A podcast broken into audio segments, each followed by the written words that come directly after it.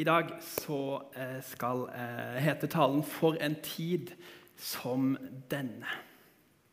Og da er det noen av dere kanskje som skjønner at vi skal litt bak i tid. Vi skal ca. 500 år før Kristus til en eh, historie om Ester.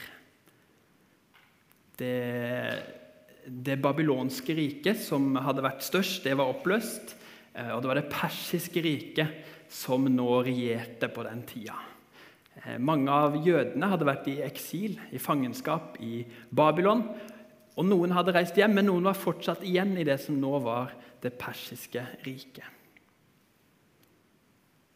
Og Vi skal altså treffe Ester i denne historien. Og vi skal til selve smørøyet i det persiske riket, til hovedstadens Susa, til kongens slott og Det er bare å holde seg fast, for dette er en historie som er så spennende og gøy at eh, ja, det, Hvis du er glad i såpeoperaer på TV, hvis du er glad i Hotell Cæsar eller I gode dager eller lignende, så anbefaler jeg Esters bok. Jeg anbefaler den uansett, Men den er altså proppfull med intriger og kjærlighet og sjalusi og hevn. Og Vi skal se på noen av tingene i dag, men jeg skal faktisk ikke røpe alt. Så hvis du kjenner at åh, du blir litt trigga til å gå hjem og lese Esters bok, så får du et par overraskelser når du kommer hjem og leser òg. Kanskje har du lest den 100 ganger før, kanskje har du aldri lest den før. Men den anbefales i hvert fall på det varmeste. Esters bok, altså. Vi er i hovedstaden, og vi skal til kongens slott, kong Serkses. Han er glad i å holde fester. Og Denne uka så holder han fest over eh, flere dager, og en av dagene så bestemmer han seg for at foran alle sine venner, foran alle sine hoffmenn og de som jobber for han, så vil han vise fram dronninga si. Den vakre, skjønne dronninga si.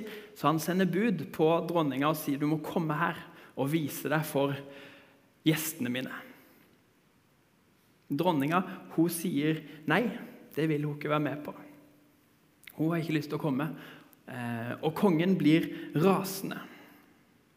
Hun blir avsatt som dronning kort tid etterpå. Og Plutselig så har kong Serkses et problem, for han er konge uten en dronning. Så han bestemmer at de skal samle alle de vakreste jomfruene i landet til slottet hans. Og så skal han velge seg en ny dronning. Det er altså snakk om verdens første ungkaren. Og under oppsyn av kongens hoff så gjennomfører disse jentene tolv måneders forberedelsestid før de får lov til å møte kongen. Det er først seks måneder med myrraolje, står det bare. Jeg vet ikke om det er en slags eh, kur som varer i seks måneder med myrraolje. Og så er det seks måneder med parfyme og annen kosmetikk. Og Jeg skal aldri mer klage på at kona mi bruker lang tid på å gjøre seg klar. Men blant disse utvalgte jomfruene på Slottet så møter vi Ester, hovedpersonen i boka. Jødenes heltinne kalles hun nå, og vi skal snart finne ut av hvorfor. Um, hun er foreldreløs og har vokst opp hos sin fetter Mordekai.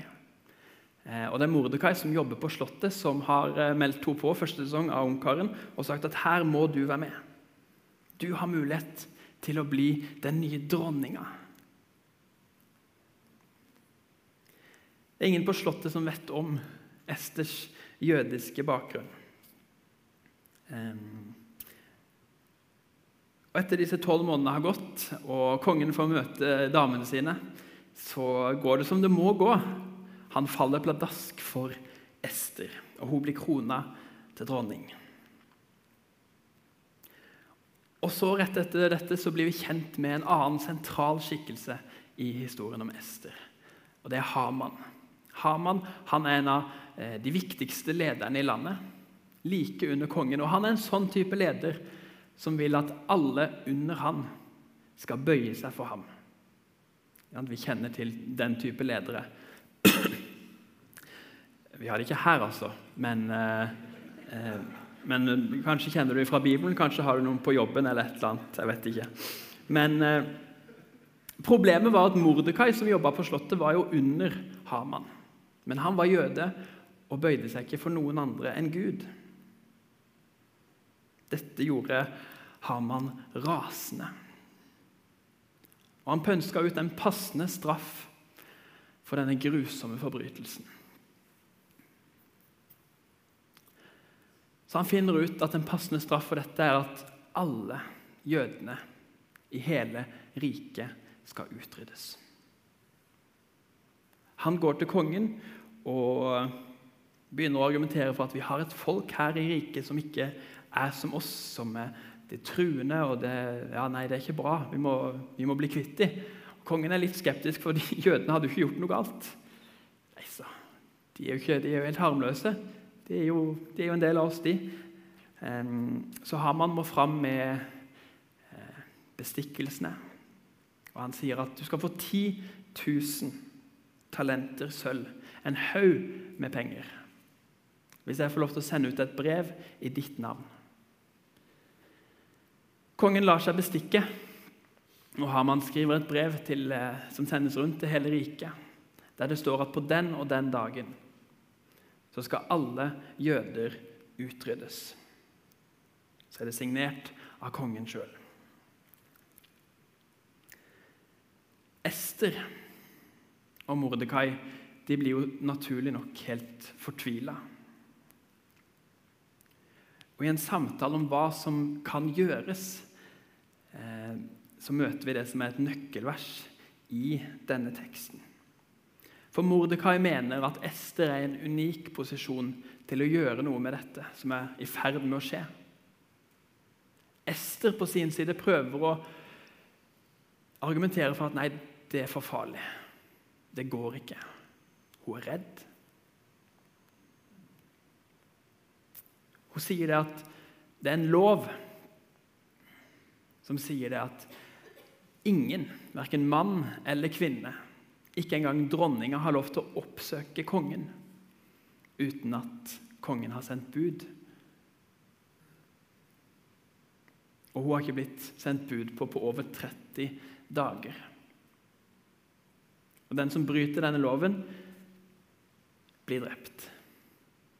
Ok, så Det er en lov i landet som sier at med mindre kongen har sendt bud på deg, så får ikke du lov til å oppsøke ham. Da blir du drept. Og hun har ikke blitt sendt bud på. Hun har ikke sett mannen sin på en måned. Og hun vet ikke om det går en måned til eller to måneder til før hun blir sendt bud på. Sannsynligvis så er det for seint. Da svarer Mordekai dette. Ganske direkte, men veldig, veldig viktig. Tro bare ikke at du som den eneste av jødene skal berge livet fordi du er i kongens slott. For om du tier i denne tiden, vil hjelp og redning komme til jødene fra et annet sted, mens du og ditt farshus vil gå til grunne. Og hvem vet om det ikke er for en tid som denne at du har fått dronningrang?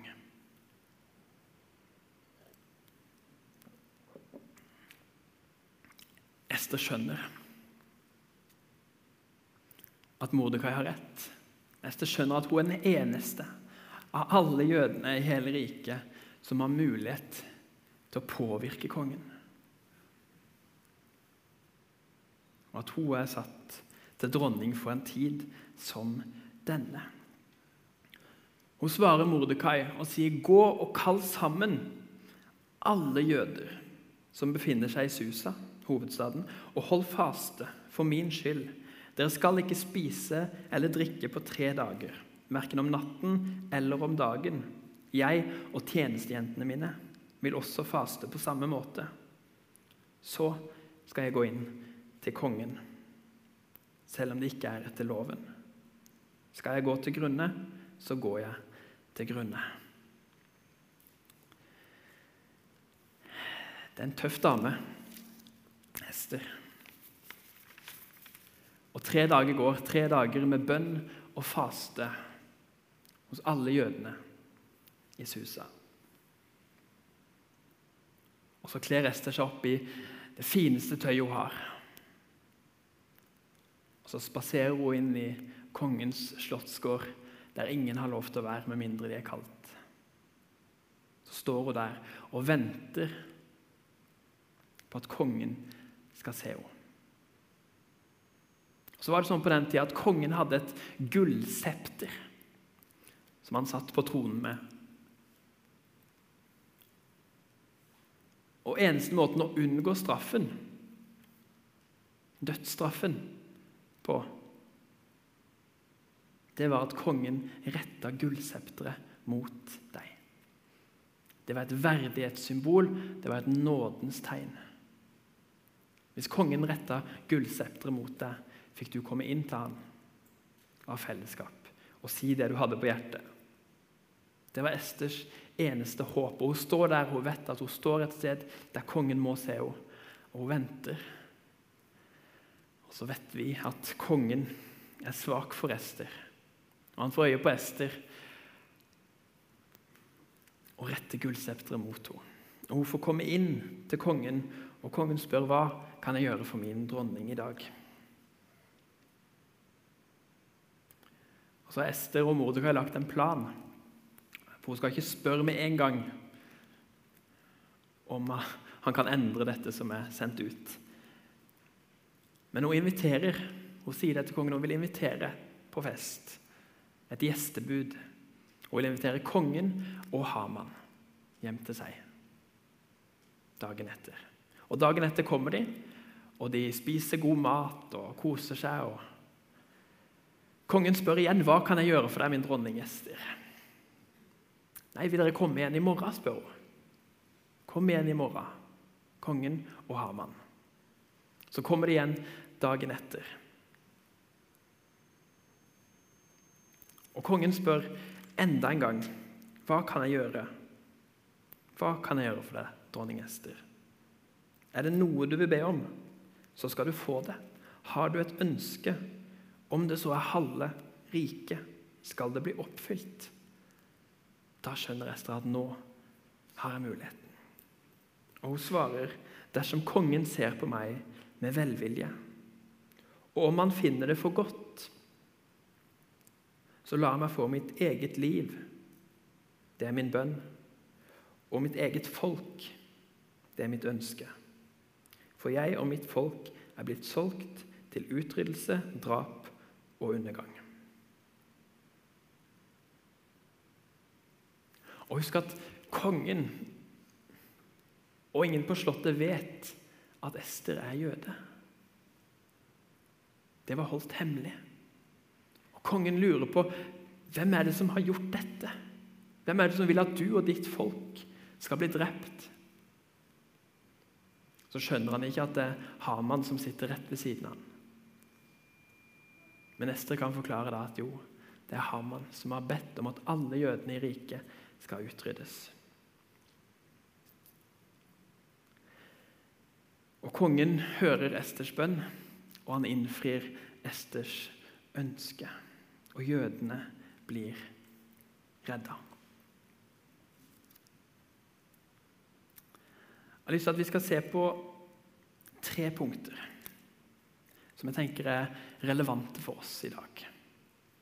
Som vi kan se på og lære av denne teksten her.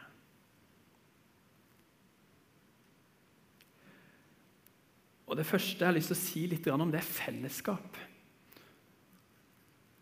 Og Kanskje tenker du at etter denne historien her, så er, det, så er det ikke fellesskap du sitter igjen med. Men hør på meg nå.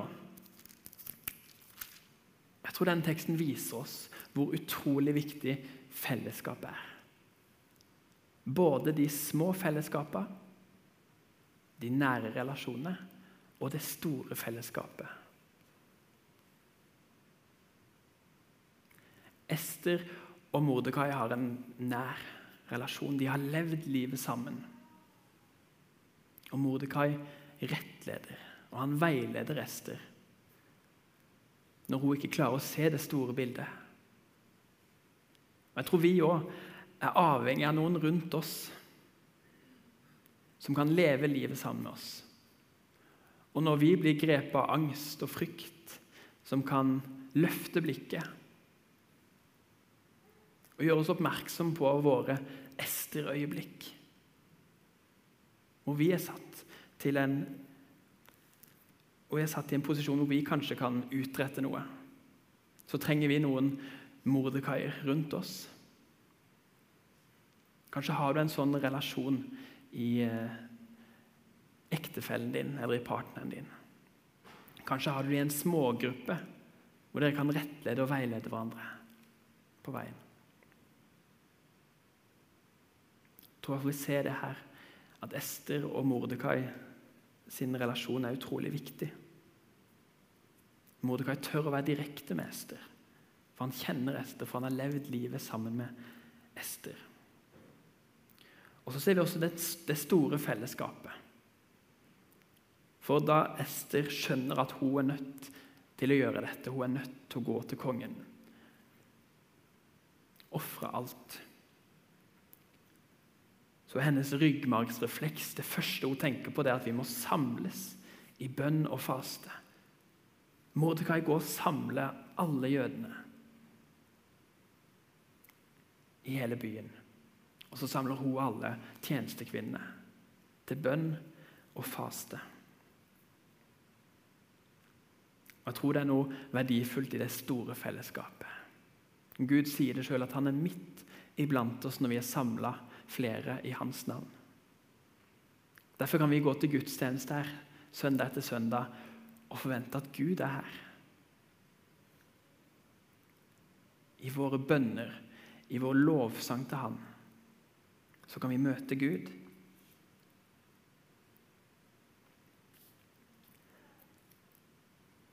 Jeg tror både det store og det lille fellesskapet er viktig.